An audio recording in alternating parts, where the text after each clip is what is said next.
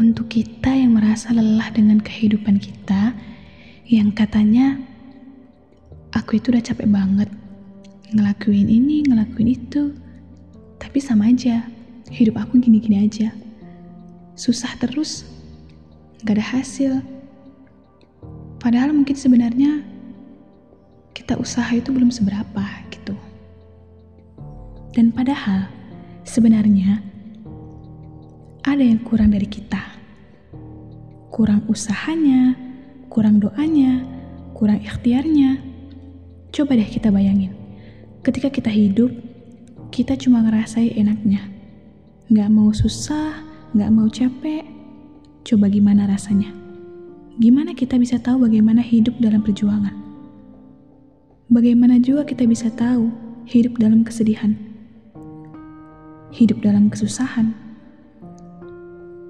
Kita dituntut untuk menjadi orang yang selalu merasa berkecukupan dan selalu bersyukur atas nikmat yang sudah diberi. Bahkan ketika kita diperlihatkan dengan orang yang lebih dari kita, lebih baik, lebih kaya, lebih hebat, lebih mampu, mungkin dalam hati kita itu lebih sempurna.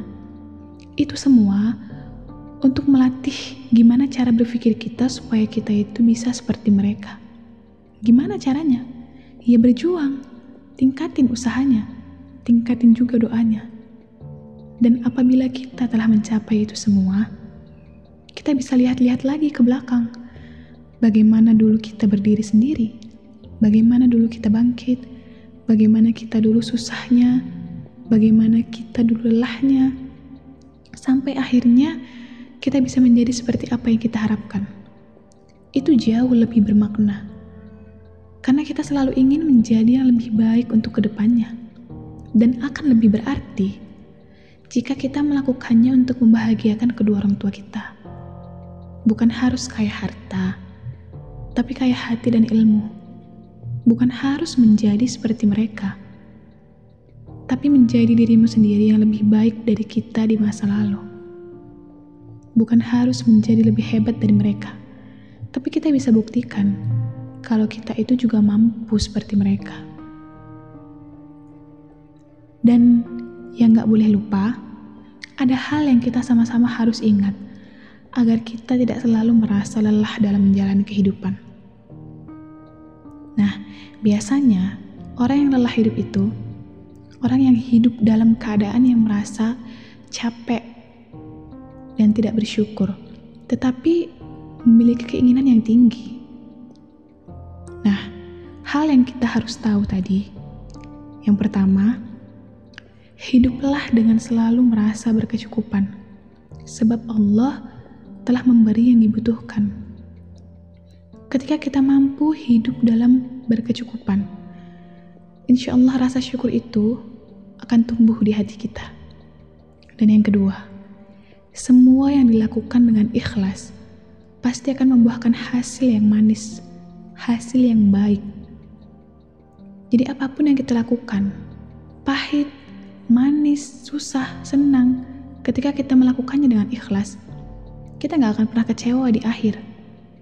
Dan hasil apa pun yang kita terima, insya Allah itulah yang terbaik untuk kita. Yang ketiga, apa pun keadaan dan kondisinya, rajin-rajinlah kita mengucapkan Alhamdulillah. Kenapa? Karena itu bentuk rasa syukur kita, rasa terima kasih kita kepada yang kuasa, kepada Allah Subhanahu wa Ta'ala. Yang keempat, kita boleh lelah, tapi setelah itu jangan lupa kita itu harus bangkit. Masih banyak orang-orang yang membutuhkan kita. Selagi kita bisa bermanfaat untuk orang, Kenapa nggak kita lakukan? Yang kelima, jadilah orang yang kuat untuk diri kita dan orang-orang yang kita sayang. Kita hidup ini untuk orang lain juga, bukan hanya untuk kita sendiri. Ketika kita masih memiliki orang-orang terdekat yang masih sayang sama kita, kenapa nggak dibahagiakan? Gitu. Yang keenam, mampu bertahan di tengah kesulitan.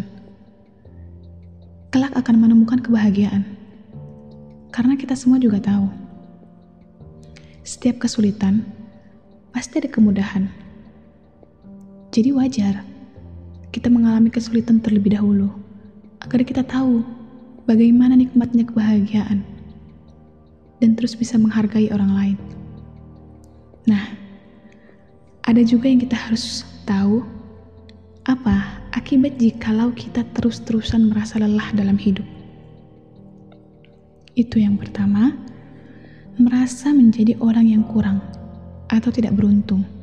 Nah, ketika kita selalu merasa lelah dalam kehidupan kita, pasti kita itu akan menjadi orang yang merasa kurang, gak berkecukupan, dan pada akhirnya kita menilai diri kita sendiri itu kita itu tidak beruntung. Padahal masih banyak orang yang tidak seberuntung kita mungkin di luar gitu. Yang kedua, merasa sudah melakukan sesuatu yang besar. Padahal belum seberapa. Akhirnya kita selalu merasa bahwasanya aku itu udah ngelakuin segala cara. Padahal sebenarnya itu belum seberapa. Mungkin banyak masih banyak orang yang lebih giat dari kita untuk menggapai apa yang kita mau gitu. Nah yang ketiga, kita bisa merasa terbebani. Nah, ketika kita hidup nggak pernah merasa berkecukupan, pasti kita akan terus merasa terbebani dalam hidup kita. Kita ngerasa bahwa beban kita itu terlalu berat. Padahal kita belum tahu bagaimana beban hidup orang lain. Kita hanya menilai diri kita sendiri. Kita nggak memandang orang lain. Nah yang keempat, kita jadi nggak ikhlas ngelakuin apa yang sudah kita lakuin.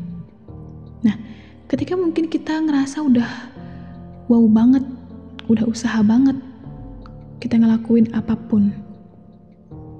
Dan setelah kita tahu hasil yang kita terima itu adalah nggak seperti yang kita inginkan, akhirnya kita nggak ikhlas dong ya. Mungkin bisa jadi kita ungkit-ungkit, ah, aku kayak gini juga nggak ada hasil. Ya mending aku diam aja. Nah, mungkin ada juga yang berpikiran seperti itu. Jadi kita itu nggak ikhlas ngelakuin apa yang sudah kita lakuin setelah kita tahu hasil yang kita inginkan itu tidak seperti yang kita harapkan. Apalagi kalau masih tetap nggak ada hasil. Udah bolak-balik ngelakuin, tapi nggak ada hasil. Yang seharusnya setelah kita ngelakuin ini nggak nggak ada hasil, kita tingkatin dong. Kita cari solusi yang lain, gitu. Nah, kita juga harus tahu Kenapa kita kadang diberi sedikit rasa kelelahan? Yang pertama, agar kita bisa menghargai waktu. Menghargai waktu itu penting. Jadi ketika mungkin kita memulai langkah awal kita gagal, kita masih banyak langkah selanjutnya. Ketika kita masih diberi kesehatan, masih diberi, diberi pikiran yang normal, masih diberikan cara berpikir yang baik, kita tuh harus pandai menghargai waktu. Yang kedua, agar kita bisa menghargai setiap proses yang kita lewati dan bisa merasakan pelan-pelan setiap perjuangan yang kita lakukan.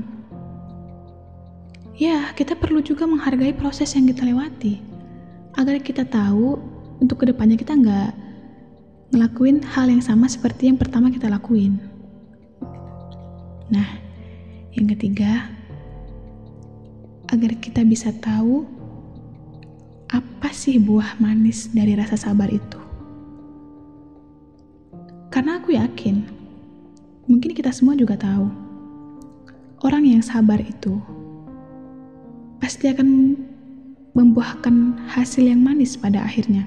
Walaupun dari awal, di tengah-tengah sampai akhirnya itu selalu banyak rintangan.